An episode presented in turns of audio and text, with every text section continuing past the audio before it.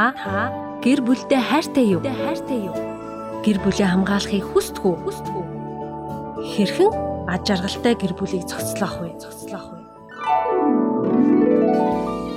Тэгвэл энэ асуултанд мэрэгжлийн судлаачийн хамт гэр бүл ток шоу нэвтрүүлэг хариулах бол хариулах. Химнэс радио 91.7-оор мегмар гариг бүр орой 18 цагаас Гэр бүл ток шоу. хүлээн авч сонсоорой.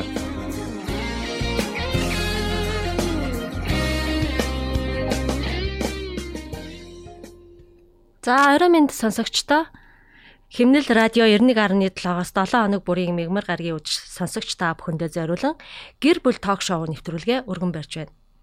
Манай радио нийгэм тулгараад байгаа гэр бүлийн асуудлаар гэр бүл судлаачийн хамтаар ярилцах энэ нэвтрүүлэг маань Монголын ирээдүйн залуус тулгарч байгаа гэр бүлийн боловсролыг зөвөр олгоход чиглэгдэж байгаа юм.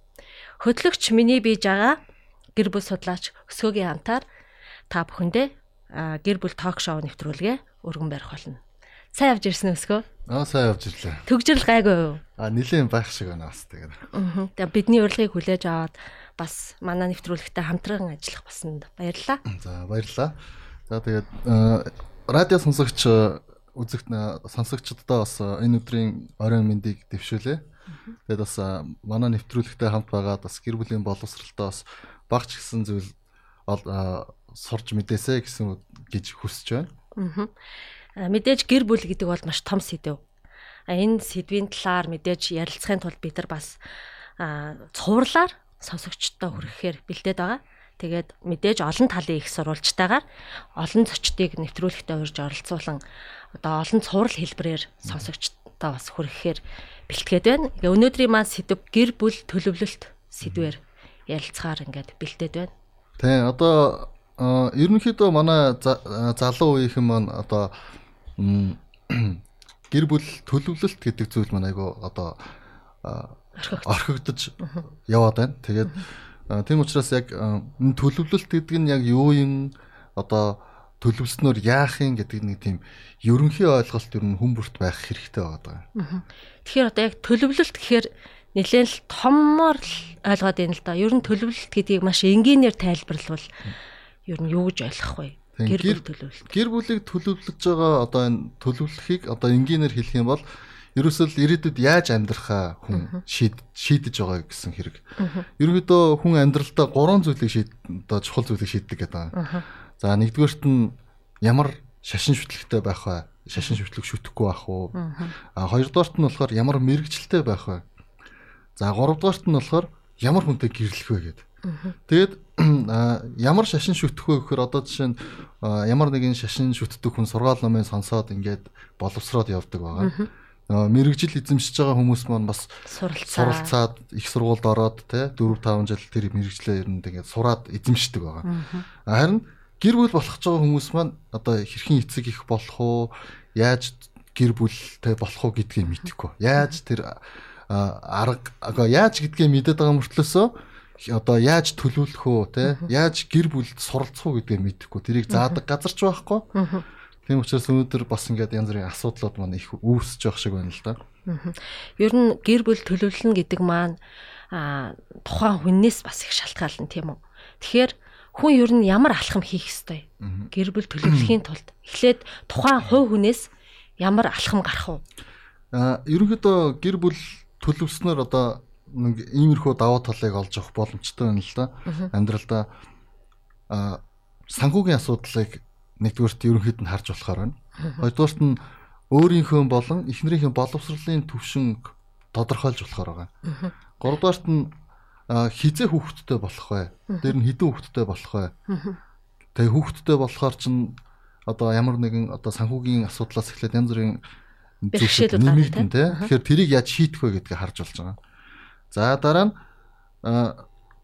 бас оршин суух газраа одоо би хаана амьдрах вэ? Улаанбаатарт амьдрах уу? Гадаадад амьдрах уу? Эсвэл аль нэг аймгийн төв, сумын төв дээр амьдрах уу? Дархан эрдэнэтэд амьдрах уу гэдгийг бас ингээд тооцох боломжтой байна.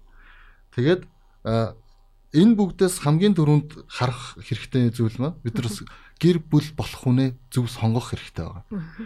Тэгээд энэ бүгд маань нийлжээж одоо гэр бүлийг зөв одоо сайхан үлгэр жишээч одоо өөртөө аз жаргалтай гэр бүлийг Бий болгох. боломжтой байна. Ер нь бол гэр бүлийг мэдээж зохиохын тулд хүн бас л янз бүрийн юмтай тулгарн саад бэрхшээлч их байгаа тийм үү. Тэгэхээр одоо залуучуудад хандаад яг хэлэхэд одоо гэр бүлээ зохиохын тулд тухайн хүн юунд ер нь анхаарах хэрэгтэй байдیں۔ За ерөнхийдөө өнөөгийн нийгэмд маань болохоор одоо ингээд гэрлэлт гэдэг зүйл маань айгуу тийм хомс гэхүү эсвэл бүр байхгүй болж байна. Айгуу цөөн тоотой болж байна тий. Тэгээд ерөнхийдөө гэрлэлтийн оронд одоо ийм найр хийдэг ч юм уу ямар нэгэн байдлаар ингээд тэрийг орлуулах гээд үзээд ах шиг. Яг бол гэрлэлт маань асар их зардалтай болдог болсон учраас. За тэгэнгүүт хүмүүс болохоор хамгийн түрүүнд бэлдэх хэрэгтэй юм юу гэхээр өөрийгөө л бэлдэх хэрэгтэй байна.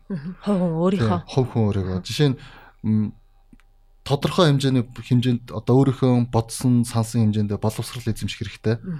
Тэгээд тодорхой хэмжээнд одоо орлого олдог их усвэртэй одоо ажилтай төрөлтөө байх хэрэгтэй. Энэ юмгүй. За дараагийнх нь болохоор өөрийгөө одоо зан чанарын хувьд одоо ингээд мэддэг байх хэрэгтэй. Жишээ нь би одоо ийм төргөн ууртай юм өсчдөг одоо айгүй хордон уралдаг дүрс гэдэг хүмүүс байдаг ш. Тийм хүн байлаа гэвэл одоо надтай ямар хүн одоо амьдруул одоо ингээд зохицохоор байна гэдгээ тэгэхээр чин өөрийгөө мэдэх хэрэгтэй болж байгаа. Тэгжээж өөртөө тохирсон үнэ олох хэрэгтэй болж байгаа. Тэгэхээр хувийн бэлтгэлээ бид нар маш сайн хийх хэрэгтэй байна. Тэгэхгүй тэгээд өнөөдөр чин ингээд хүмүүс ингээд явж байгаа нэг хүнтэй таардаг. Заяаны хан зам дээр гэдэг хэлж ярьдаг шүү дээ. Гинт нэг хүн гарч ирнэ нөгөө хүнтэйгээ уулзсан. Тэгэл явж байгаа л нэг мэтгэд хүүхдтэй болол тэгэл нэг мэтгэд суугаад тэгээ нэг мэтгэд зарим нэгээ салдаг тий. Тэгэхээр бид нар ийм амьдралыг ингээд ийм гинтийн уг нь гоё л та тий. Гинт гинт гоё гоё юм учруул гоё. Гэхдээ ийм гэр бүл энэ хайны жил гэдэг зүйлийг ийм гинтийн байдлаар хүлээж авч болохгүй байхгүй төлөвлөх хэвээр. Урчлаа дотроо бас нэг тодорхой хэмжээний төвшин төвшнөр нь тий ахиулаад явах ч гэдэг юм уу тийм байх хэвээр. Тэгээд дээр нь энэ эмэгтэй хүмүүс мөн бас одоо эр нөхөр болох хүнээ айгуу сайн таних хэрэгтэй байна. Одоо ингээд хуучин цагт болохоор одоо бидний ах хчийн үед гэж ярил. Одоо тодорхой хэмжээнд тухайн хүнтэйгээ танилцлаа, үерхлээ, тий үерх хугацаа нь одоо бас хэр хугацаа байх нь бол таашгүй шүү дээ тий. Тухайлбал одоо яг нэг хүнтэй танилцлаа, тухайн хүнтэйгээ дотносож үерхэхийн тулд тухайн хүнээ таньж мэдхийн тулд тодорхой хугацаа зарцуулдаг байсан тухайлбал 1 жил үерхэж гэдэг юм уу те. За ядаж хагас сар үерхдэг ч юм уу тухайн хүний ааш занг олох те. Энэ хүн ямар орчинд өссөн, ээж аав нь хідүүлээ ч гэдэг те. Ямар айлын хөвгтэй, айлын том юм уу, бага юм уу, дунд юм уу гэл те. Тэгээс судлаад тодорхой хэмжээнд бас ингээл танилцаал үерхэх явцдаа бие биетэйгээ ингээл танилцдаг бас тийм үе шатыг дамждаг байсан болов уу гэж би боддөө ш. Бас тэгж хардаг байсан. Одоо бол яг тэгж тодорхой хэмжээнд одоо бүтэн жил үерхэд гэр бүл болж байгаа гэр бүлүүд ер нь байдаг болов ер нь ховор болсон юм шиг миний хувьд бодогддгийн. Чиний хувьд юу гэж боддог вэ? Ерөнхийдөө одоо ингээд залуучууд маань айгүй тийм хурдтай болчихсон. Тэгэд нийгэм хурдан хурдан хурдтай болж байгаагийн хэрээр бид нар ингээд энэ гэр бүлийн амьдрал айгу хурдтай ханддаг болчихчихлээ. Тэгээд эн чинь уг нь их л тийм буруу зүйл байгаа юм л да.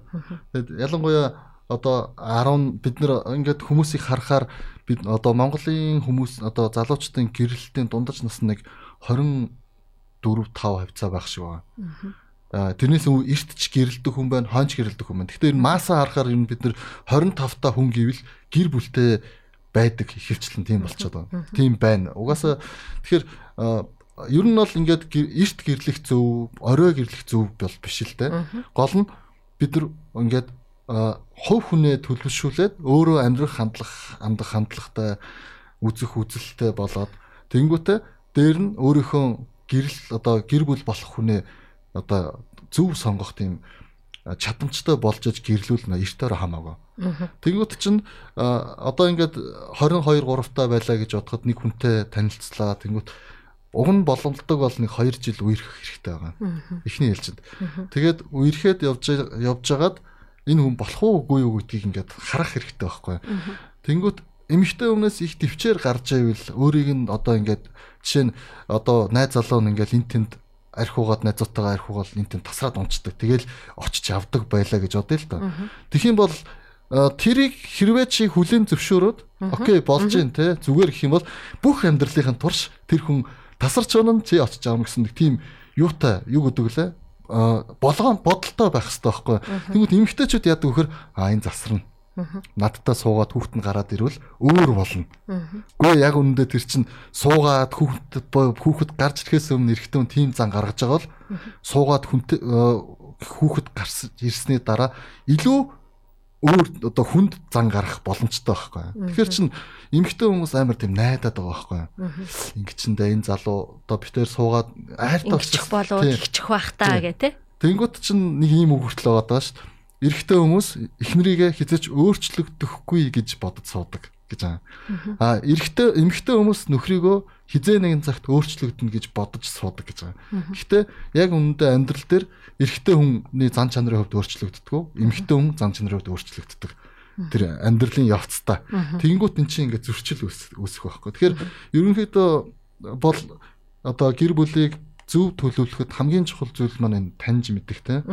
Эхнэрээ эхнэр болох хүнээ ийм одоо жишээ нь ихэвчлэн хүмүүс чинь ийм хүнтэй суун тэгээ ийм зан характертай ийм ажилтай ийм сонирхолтой хүнтэй суун гэдэг нэг төлөвлөж идэг бодож идэг байхгүй юу? Дээрэс нэмэгтэй хүмүүс чинь өөрийнхөө аав шиг хүнтэй суун гэдээ бас дотроо бодцоо яг аав шиг хүнээ хайдаг.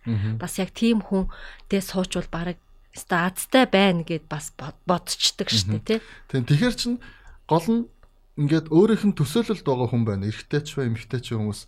Гэтэ эрэгтэй хүмүүс учиргүй нэг ийм эмэгтэйтэй сундаа гэж нэг төсөөлдөггүй байх. Ерөнхийдөө эмэгтэйчүүд ихэвчлэн ингээд нөө нэг төсөөлдөг. Тэ тэрийг нөө нэг жоохон яжлаад нөө цагаамартай ханхуу хүлээж байгаа гэж байдаг шүү дээ. Тэгэхээр чин яг хүн бүр сайхан амьдрахыг хүснэ. Ганцхан амьдарч байгаа учраас. Гэтэ бид нар энэ амьдралдаа алдахгүй амьдрна гэж бас байхгүй. Амьдрал юм чинь ямар нэгэн асуудал гарч таараа. Гэтэ хамгийн гол нь одоо э, чухал шийдвэрүүд нэг болох гэр бүл болох хүнээ зөв таныхын тулд жоохон ингээд хугацаа оруулад тий ядаж нэг жил орчим тань одоо таньж мэдхийн тулд үерхэд тэр хүртэл одоо нэг гэрт орохгүй байх хэрэгтэй тий яг хөө ингээд хамтдаа э, нэг нийтээ очиод очих бол байж болох л ахал да. Гэхдээ нэг гэрт ороод шууд ингээд амьдрал эхэлж болохгүй хамтдаа. Аа тэрнээс өмнө хүртэл болохоор ингээд тодорхой хугацаанд уулзаад уулзаад уулзаад тэгээд явхад ерөнхийдөө хүний одоо нэг баримжаа гарна да. Энэ хүн нэг ийм хүн байна архиудаг хүн байна уу? Архиудаг хүн иймэрхүү дутагдaltaй юм байна да гэд гараад ирж шүү дээ уурлахаараа яадаг юм байна? Тэ ингээд энэ мэтлэн ингээд гарч ирэхээр дараа нь хүмүүс залуучууд маань ерөөсөө ийм шийдвэр гаргадаг юм шиг байна. Энэ хүний тэ яг энэ байгаа байдлаар нь би ингээд окей шууд хүлээж авнаа. Энэ хүн бол одоо миний амьдралд яг энэ хിവэрээ ингээд би оруулж ирэхэд бэлэн байна гэд тэг шийдвэр гаргаж авах хэрэгтэй байхгүй юу? Үер одоо гэрлэгт гэрэлж байгаа бол гэр бүл болж байгаа бол. Тэгэхээр хүмүүс маань тэхгүй л байна л да. Зүгээр шууд за тэх байх, ингээд өөрчлөгдчих байх гэд найддаг учраас нөгөө нэг тийм шийдвэр гаргахгүй Тэгэхээр чин э, дараа нь гэр бүл болоод үр хүүхэд төрсний дараа яг эн чин энэ дээрээсээ болоод янз бүрийн асуудал асуудал үүснэ. Хэрүүл тэмцэл болно. Хамгийн наадах нь одоо ингээд архиугаа тасардаг хүн байлаа гэж бодъё л да. Одоо хүн болгон л их хэтрүүлж явал тасрна шүү дээ. Тэгэхээр тас хэтрүүлж арх хэрэгэлдэг хүн байлаа гэж бодъё те. Тэгэхээр чин энэ хүнийг одоо яг энэ хэвээр нь хүлээж авъя да гэд бодож чадахгүйгээр зүгээр шууд ингээд одоо гэр бүл олонгууд дараа нь ингээд хизээ нэгэн цагт мөнгөний асуудал гардаг ч юм уу эсвэл үр хүүхдийн хүмүүжлийн асуудал төр ч юм уу амьдралд ингээд асуудал гарахад нөгөө нөхөр тэнд архиугаа тасраад унтсан. Тэгэхэд чи эмэгтэй хүн ганцаардсан шүү дээ тэр үед. Эсвэл эхнэр нь тийм байж болно те. Тэгэхээр чин яг иймэрхүү зүйлүүд дээр ийм гаргалгаа одоо ийм ирээдүгөө харсан нэг тийм алсын хараа хэрэгтэй. Тэгээд эхнэрээ нөхрөө яг байгаагаар нь би өнөөдөр яг ийм хүн байна. Энийг энэ хэвээр нь хүлээж авлаа гэдэг тийм өөртөө тийм шийдвэр гаргах хэрэгтэй. Тэгхийн бодол ирээдүйд ямар нэгэн асуудал гарвал нэг тийм арай нэг сэтгэл нь дарамт багтаа байх юм уу? Тэгэхээр мэдээж төлөвлөлт бол маш чухал асуудал байна. А хэрвээ төлөвлөлт төлөвлөөгүй за жишээ нь гэр бүл огт төлөвлөөгүй яжгаад хүнтэй суучлаа. За амьдралаа зохиочлоо. Тэгээд бас хүүхдтэй болчлоо гэж үтэй. Тэгвэл одоо ямар хор уршиг байх вэ? Ямар хор уршиг гарах вэ? Тэгэхээр яг одоо ч гэсэн ингээд э, ямар нэгэн төлөвлөлтгүй гэр бүл болоод байгаа хүмүүс байна л да. Яг бүгдээрээ л нэг учиргүй зовоод байгаа юм бас байхгүй бах тий. Гэхдээ бас эн чин нэг тийм одоо ингээд Монголын нийгмийг харахад энэ гэр бүл салалт бол маш их байна тий. Тэгээ дээр нь одоо өрх толгоолсон эмэгтэйчүүд гээд одоо хүүхдтэй эмэгтэйчүүд гээд бүр айгүй их тийм одоо юу гэлээ 30 хүрэхээс өмнө хүнтэй суугаагүй бол хойд эцэг болохтой бэлдгээд бүр юм үг мүг яваад пост гарцсан. Тийм нөгөөх нь бүр ингээд тренд болоо тий. Энэ айгүй тийм буруу тал руу ингээд хүмүүсийг ингээд чиглүүлээд байгаа байхгүй юу. Тэнгүүт нөө нэг ийм гэр бүл болоод салах бол яг байдаг л зүйл л дээ. Бурууч зүйл биш. Одоо хоёр хүн болохгүй байгаа учраас салчаад байгаа юм л да. Гэхдээ эн чинь ингээд буруу хандлага руу нийгмийг ингээд чиглүүлээд байгаа зүйл болчихж байгаа. Тэгэхээр ерөнхийдөө ингээд төлөвлөлтгүй гих гэр бүл гэхэр чинь одоо хамгийн энгийн жишээ бол ингээд үерхэж явж байгаа юу ячдаг. Нөгөө жирэмсэн болчдөг. Тэгээд жирэмсэн болонгуудаа эмэгтэй нь бол яг хөө ихэнх октод болохоор үр хөндүүлгийг ихгүй л ахал та. Ихэнх нь болохоор төрүүл төрүүлээд аз жаргалтай амьдрна гэж боддог юм шиг байна. Тэнгүүд эрэгтэй хүмүүсийн нэг одоо дутагдaltaй тал гэх үү эсвэл нэг тийм зан чанар гэх үү зарим нь алга болоочдөг хаяад явцдаг. Тэгээд одоо ганцаараа хүүхдэд төрүүлдэг тохиолдол байна.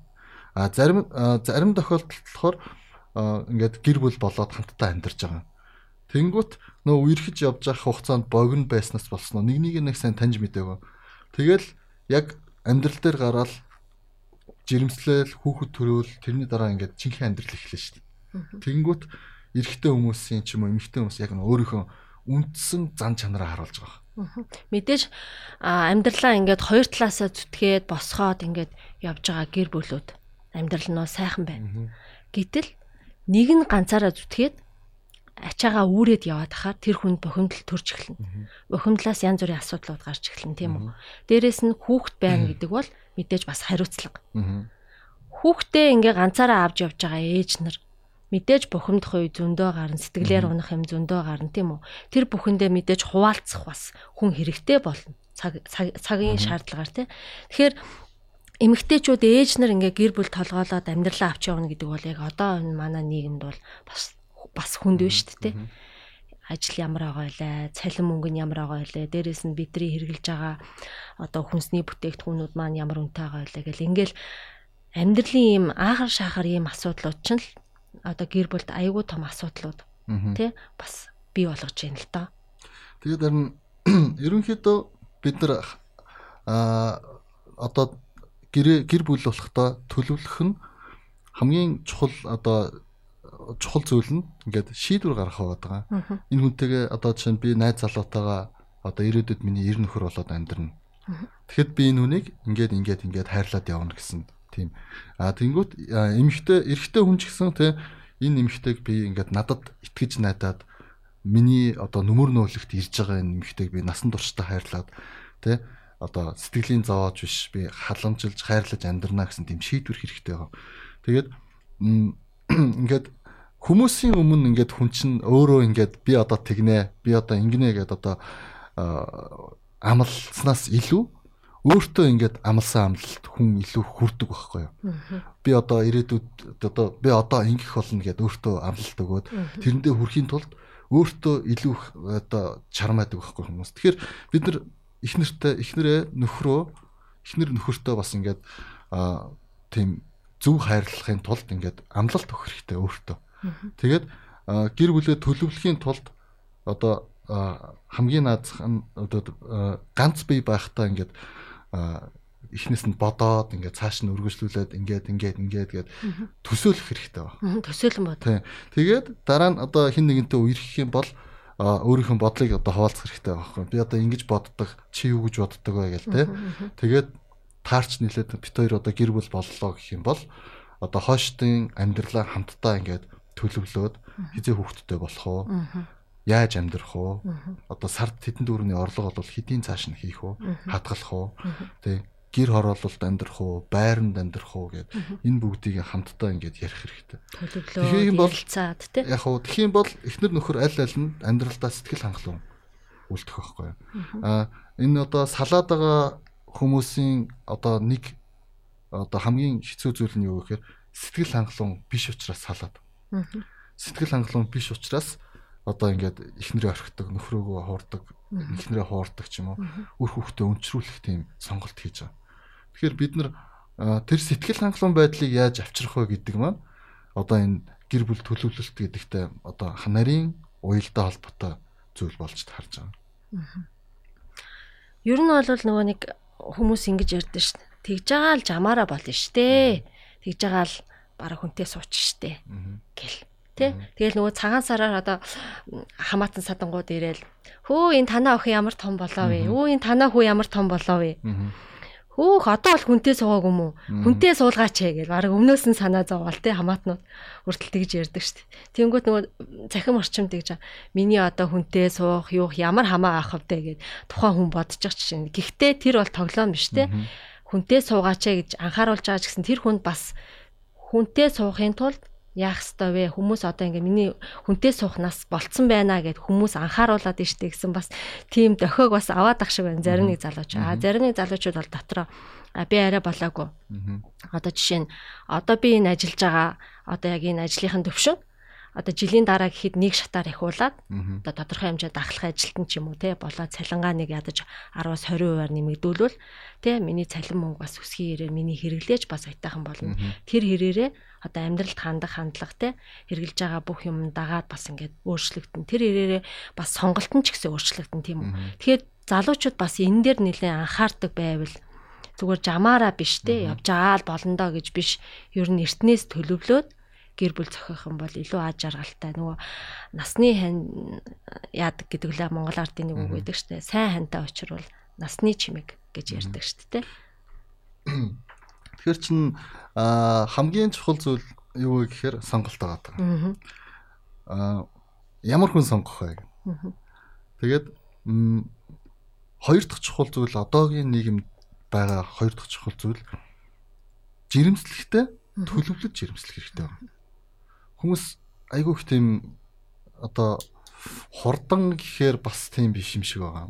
Аа ерөнхийдөө ингээд анзаархад тийм төлөвлөөгүй жирэмслэлт айгүйх болж байна. Тэгээд тэрнээсээ болоод а эрэгтэй хүн хүн бас нэг тийм хэцүү санагдсан юм шиг. Гэт нэг тийм зүхтмаарч юм шиг тийм. Тэгмэд эмэгтэй хүн болохоор одоо чинь нас боллоо. Би одоо ингээд эсвэл ингээд хүүхдэд олжлоо. Би хүүхдэд төрүүлнэгээ бодож хахад ирчүүд болохоор нөө өөр юм бодох тохиолдол их байгаа юм л да. Тэгээд тийм учраас хамгийн түрүүнд сонголтоо зөв хийх хэрэгтэй байна. Тэгээ таньж мэдээд тэгээ жирэмслэх тэр үйл явцыг яг хизээ байх вэ гэдгээ ингээд хоорондоо ярилцж байгаа шийддэг тий. Болвол одоо гэр бүл болсны дараа одоо хурим хийх боломж байхгүй байлаа гэхэд хамгийн наазах нь гэрэлтэй батлуулсны дараа одоо жирэмслэх хэрэгтэй. Энд чинь бас хариуцлага шүү дээ. Яг л одоо эрэгт одоо ингээд хүмүүс чинь гэрэлчээд одоо гэрэлтэй батлуулахгүйгээр бас байхад одоо дараагийн одоо ийм хууль зүйн асуудлууд бас гарах боломжтой. Тэгэхээр гэрэлтэй батлуулаад тэрний дараа ингээд жирэмсэн болох тэ хизээ хоёлоо жирэмсэн болох уу хизээ хүүхэдтэй болох уу гэдгийг ярих хэрэгтэй байгаа байхгүй. Тэгэхгүй ингээд одоо зарим хүн нь болохоор ингээд хүүхэдтэй болъё гэд ингээд хүсээд мөрөөдүүд болдгоо. Заримд нь болохоор ингээд гинт ингээд санамсаргүй байж байгаа хүүхэдтэй болчдөг. Тэгээд хамгийн эцэст нь энэ гэр бүлийн ямар ч асуудал байсан юу ч тохиолдсон тэр бүх асуудлын цаана ганцхан хохирдог. Тэр болохоор хүүхэд. Хүүхэд. Хүүхэд тохирдог байхгүй.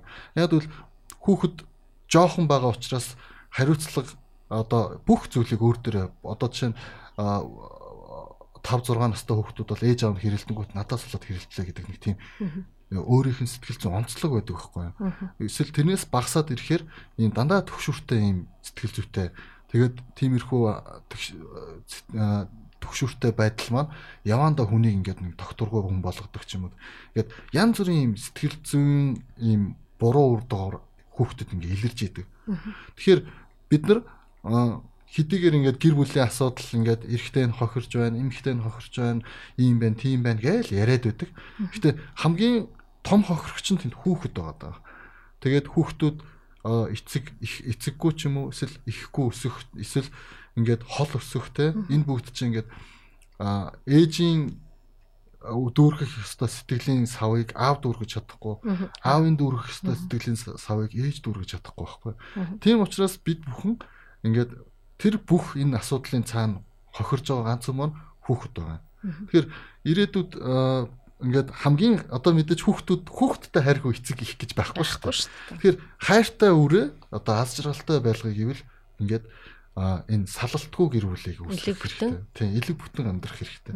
Тэрнийд бол яг энэ гэр бүл төлөвлөлт маань те хизээ хүүхдтэй болох уу гэдэг маш чухал асуудал байна. Тэгэхээр зарим хүмүүс маань ингээд би сая ингээд ингээд мэдээ үзэж байхад гэж аахгүй а юу лээ хүүхэд одоо жирэмслэх жирэмслэлтээс урьдчилан сэргийл аргыг ихэнх одоо зарим хүмүүс маань үр хүндэлтийг одоо жирэмслэлтээс сэргийлэх арга гэж тооцоод байна. Тэгээд ингээд хамаагүй жирэмслэл ирээд үр хүндүүлцдэг. Дараа нь тэр нэг дахиж жирэмсэн болох хүүхэдтэй болох асуудал айгу хүн дээр тусдаг. Тийм асуудал төр. Тэгэхээр ингээд ийм төлөвлөлтгүй иймэрхүү байдал маань ингээд эрүүл мэндийн хувьд ч тэр сэтгэл санааны хувьд ч тэр ирээдүйд төрөх өр хүүхдийн хувьд ч тэр ингээд асуудлыг ингээд улам хөндрүүлж өгдөг хөндрүүлж өгдөг байна. Тэгэхээр ер нь бол төлөвлөөд төлөвсний дагуу гэр бүлээ зохиогоод гэр бүл зохиосныхын дараа эхнэр нөхөр хоорондоо сайн ярилцаад өр хүүхэдтэй болох хэсгээ шийтгэл ер нь бол гэр бүл төлөвлөлтийн эхний шат гэж би хараад байна. Тэ? Тэгэхээр ер нь бол төлөвлөөд хэрэгжүүлдэг яг одоо энийг ингээд амьдралдаа хэрэгжүүлээд явж байгаа гэр бүлүүд Монголд ер нь байна уу? Таны харж байгаа. Ерөнхийдөө бол одоо гэр гэр бүл төлөвлөөд ингээд амьдарч байгаа хүмүүс бол байна. Тэгээд ингээ харахаар тийм хүмүүс ихвчлэн олон хүүхэдтэй. Тэгээд ингээд дөрвөн хүүхэдтэй ч хүмүүс байна, зургаан хүүхэдтэй ч хүмүүс байна. А эсвэл бас цөөхөн хоёр хүүхэдтэй ч хүмүүс байна. Тэгээд ингээд харахаар хүүхдүүдийн одоо ингээд цөөхөн хүүхдтэй хүмүүсийг харахаар юу боловсрлыг нь бодоод одоо хүүхдээ юу олон хүүхэд төрүүлэхгүй 2 3 хүүхэд төрүүлээд сайн боловсралтай хүүхэд болгож хүмүүжүүлнэ гэд. Тэгээд анхаарч нэг тал нь тийм байна. А нөгөөт нь болохоор нэг хүүхдүүд олоолаа өсөх юм бол ирээдүйд бие биедээ түшигтэй сайн гэдэг талаас нь хардаг эцэг эхчүүд олон хүүхэдтэй болж болж байна. Тэгээд яг хөө ингээд төлөв төлөвлөн гэдэг маань ингээд учиргүй ингээд за өнөөдөр ийм хол идээд маргааш тийм хол идээд нөгөөдөр тийм хол идээд эсвэл өнөөдөр ийм хувц өмсөд маргааш тийм хувц өмсөд гэд эсвэл жилийн дараа би их нэртэйгээ тэгж харьцаад ч гэдэг юм уу те. Энэ бол ийм нарийн зүйл биш байхгүй юу? Ерөнхийдөө ингээд ийм ерөнхий утгаар нь ингээд ерөнхийд нь ингээд харчаад те манай гэр бүлийн одоо ихсэнд урайтай байж болно те манай гэр бүл ийм зүйл харж байна. 20 жилийн дараа манах ийм байна. 10 жилийн дараа манах ийм байна гэсэн тийм алсын хараатай. Тэгээ тэрлэг ингээд тэмүүлж амьдардаг. Тийм амьдрал тавиа зорилгын төлөө. Тийм амьдралтай гэр бүлүүд бас байна. Тэгэхээр чин яг уу ингээд амьдрал дээр ингээд бүрэн ингээд 100% хэрэгждэг төлөвлөгөө гаргадаг хүн энэ дэлхийд байхгүй. Бүр амар сайн компани маркетэрүүд ч гэсэн нэг тэдэн хувьтай 70 хувьтай энэ төр байх юм бол айгүй одоо сайн хэрэгцсэн төлөвлөгөө гэж үздэг байгаа шүү. Тэгэхээр амьдрал дээр бас бид нар чинь ерөнхий ингээ амьдрал дээр байж ангууд чинь бидний хүслээр одоо амьдрал ингээд явагддаг байхгүй юу. Мэдээж ингээл янз бүрийн юм асуудлууд гарна шүү дээ. Тэр асуудлуудад байсан ч гэсэн ерөнхийдөө э, ямар нэгэн байдлаар юм явах чихтэй байх юм бол алсын хараатай байх юм бол тэр асуудлыг одоо яаж давах аргаа ч юм уу те жишээ нь хүүхэд маань одоо өвдлөө гэж бодно те. Тэнгүүт яаж одоо хүүхдээ эрүүл өсгөх үү гэдэг тал руу бас одоо ингээд эцэг их анхаардаг болно те. Тэгэл ханаа түрээд байна, ойр ойрхон ханаа түрээд байна гээл тэнгүүт яавал одоо хүүхдийг ханаа чирэг эрүүл чирэг өсөхгүй гэвэл одоо би юу сурч болох вэ гэдгийг бас ингээ харах байхгүй. Өөрийгөө боловсруулна. Эрүүл мэндийн мэдлэгийн хувьд ч те. Тэгэхээр чин эцэг эхчүүд энэ бүгдийг ингээд харахаар Аа ингээд өөрсдийгөө ч боловсруулна, үр хүүхдтэй ч хэрэгтэй. Анхаарал халамж. Тийм. Тэгэхээр чин яг хөө ингээд одоогийн ингээд одоо төлөвлөгөө маань ингээд ингээд дотроос задраа явчихж байгаа. Амар их. Энэ бол ингээд ингээд задраал ингээд ингээд ингээд. Гэхдээ ерөнхийд ингээд харах хэрэгтэй. Тэгээд ингээд амар ингэдэг байхгүй хүмүүс амьдрал чинь бодсоор болдгүй юм. Ингээд надад амьдрал чинь чиний хэлснээр байдгүй юм. Тэгээ ямар нэгэн асуудал гардгийн. Тэгээ чи их мэдээд байна гэл. Ингээл тэгэхээр яг уу миний хэлснээр ч юм уу эсвэл ингээд гэр бүл судлаачдын одоо ийм эрдэмт одоо судлаачдын хэлж байгаа мэрэгчлүүдний хэлж байгаагаар 100% байхгүй л дээ. Гэхдээ бид энэ мэрэгжлийн хүмүүсийн хэлж байгаа үг маань тодорхой хэмжээнд ингээд сэргийлэх ч юм уу те эсвэл чиглүүлэх талдаа байгаа байхгүй. Тэгэхээр ингээд яалтчгүй ингээд асуудалд орцсон тийм хүн байгаа байлаа гэж бодоход тийм хүнд ингээд чи тэг чи ингээл ингээд тайлбарлаад ч юм уу эсвэл ингээд хэлэхээр нөгөө хүн чинь ингээд цөхөрцөн хүмүүс болохоор ингээд яг тийм үднэсээ те үгүй амьдрал тийм байдгүй юм. Те би одоо хичээгээд ийм байна ч гэдэг юм уу. Тиймэрхүү байдлууд гаргадаг л да тэгэхээр бид нар ерөнхийдөө гол чигээ аваад тэгээд ерөнхийдөө чиг гол зүйлээ төлөвлөөд тэгээд амьдрах хэрэгтэй болж таарад байгаа. Тэгээс ингээл за ерөнхийдөө нэг тэгж байгаа бол амьдрал болчих байлгүй дээ гэж нэг тиймэрхүү үднэс хандаад ирэхээр амьдрал маань нэг тийм ерөнхийдөө тэгсгээл өнгөрөх хэмжээнд хүрэх бах та. Тэгэхээр залуучуудаа хандаж гэр бүл төлөвлөлтийн одоо маш чухал сэдвүүдийн тухай хоёлаа ярилцж штэ тий. Тэгэхээр залуучууд бүр анхааруулж бас хэлмээр бас зөвлөмөр тийм зөвлөгөө байна уу? Сэтгэл судлаачийн яг мэрэгчлэлтний хуваар. Ер нь бол хамгийн түрүүнд аа эрэгтэй ч эмэгтэй ч хамгийн түрүүнд өөрийгөө эхлээд жоохон таньж мэдэх хэрэгтэй юм шиг байна. Яг тэгвэл одоо жишээ нь ийм ямар нэгэн асуудал уур бухимдал төрөхгүйгээр амьдрал гэж байхгүй. Тэгэхэд бид нар амьдралд одоо ямар нэгэн асуудал гарахад одоо жишээ нь уур хүрлээ гэж бодоход уураа яаж гаргах вэ? Тэгээ би уурлахаараа яадаг яадаг вэ гэдгээ мэддэг байх хэрэгтэй. Тэгээд уураа яаж гаргах вэ? Тэ одоо тэнгуүтэ ямар нэгэн асуудал гараад одоо жишээ нь их нэртэйгээ нөхөртөөгөө тэр тал дээр ингээд хэрүүл маргаан гарахад а яг хөө ингээд сэтгэл хөдлөлтөд автаад нэг хэсэг хэрэлдлээ гэж бодъё л доо. Одоо учиргоо хүн ууралчил за би ууралчлаа одоо ууралцсан болохоор ингэж жагаад ингэн гэд тийм бодох чадахгүй бах. Ихэнх хүн шууд л ураа ямаацаа гаргана шүү дээ хэрэлж. Шууд дүрсхийгэл. Тийм дүрсхийгэл уурлана. За тэгээд дүрсхийгээд ууралчлаа гэхэд дараа нь яаж би их нэртэйгээ нөхөртөөгөө те энэ асуудлыг одоо ивэр ярилцаж ойлголцож сурах вэ гэдгээ ярилцах хэрэг. Одоо тэр тал дээр одоо дадлагжих хэрэгтэй байгаа.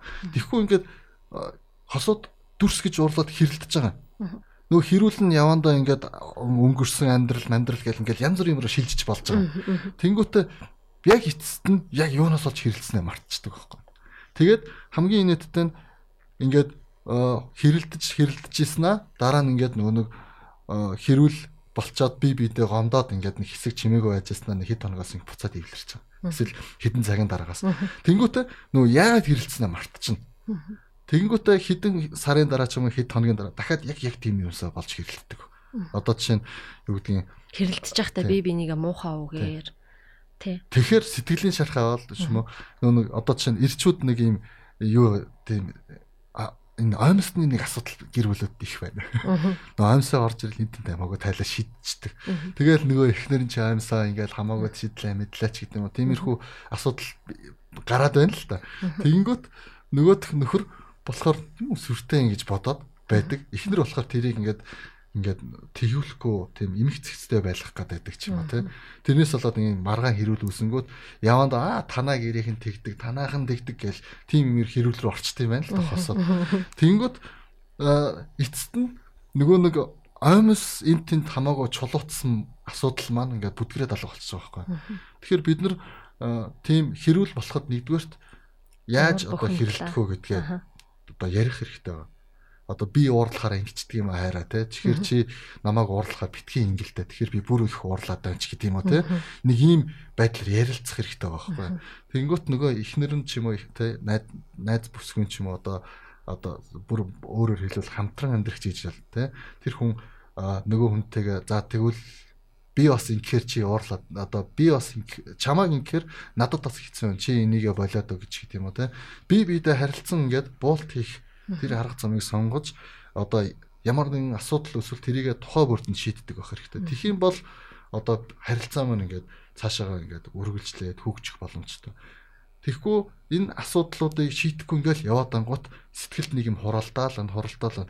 Тэгээд хэрүүл болгон дээр ямар нэгэн тийм одоо таагүй үг хэлдэг те хараал ирүүл болдог байх юм бол тэр болгон маань ингээд эрэгтэй ч хүн бай, эмэгтэй ч хүн бай сэтгэлд нь ингээд сэтгэлийн шарх болоод дурсамжид нь хадгалаад хадгалагдаад үлдээд байна. Тэрнээс болоод эцэст нь ингээд нөө нэг нэг ингээд жохон юм болонгууд л дүрс гэл уралдаг. Жохон юм болонгууд л пүр гэл амар огцом асдаг. Тийм нэг тесрэх бөмбөг шиг юм хүн ингээд үс бий болчихж байгаа. Тэг хүс сэтгэлд нь тийм үсчихэж байгаа.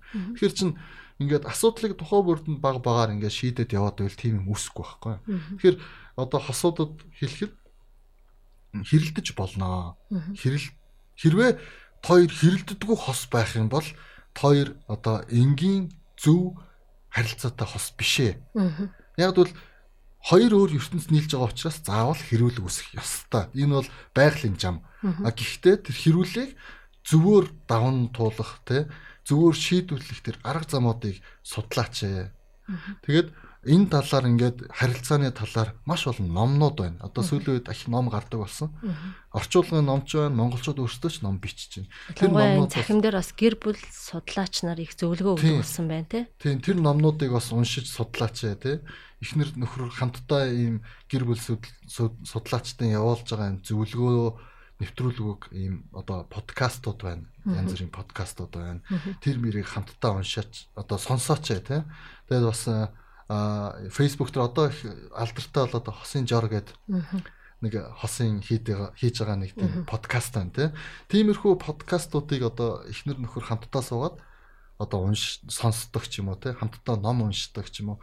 Иймэрхүү байдлаар харилцаагаа ингээд хөгжүүлэх юм бол одоо бидний энгийн өдөр тутмын хэрүүл урал маань яг хөө ингээд байдаг л зүйл. Тэгээд тэрийг ингээд даваад гараад бид нэр ингээд харилцаагаа хөгжүүлэх асуудлыг баг дээр нь шийдээд явах тусмаа илүү ойлголцсон. Илүү бие биедээ итгэн, илүү бие бинийгээ төвчин, тэ? Мөн бие биендээ илүү хурам хайрлана, алдаа оноогоо хилдэг болно, харилцан ярьдаг болно, тэ?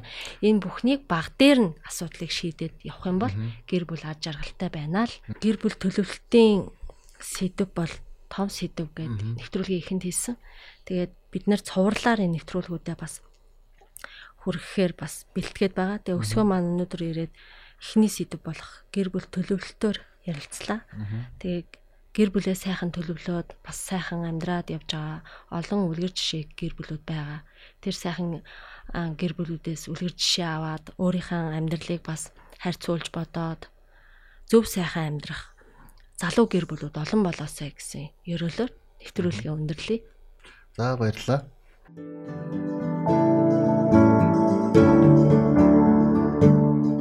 Та гэр бүлдээ хайртай юу? Хайртай юу? Гэр бүлээ хамгаалахыг хүсдэг үү? Хүсдэг үү? Хэрхэн аж аргалтай гэр бүлийг зохицлоох вэ? Зохицлоох вэ? Тэгвэл энэ асуултанд мэрэгжлийн судлаачийн хам гэр бүл ток шоу нэвтрүүлэг хариулах бол хариулах. Химнэс радио 91.7-оор мегмар гариг бүр орой 18 цагаас гэр бүл ток шоу хүлээн авч сонсоорой.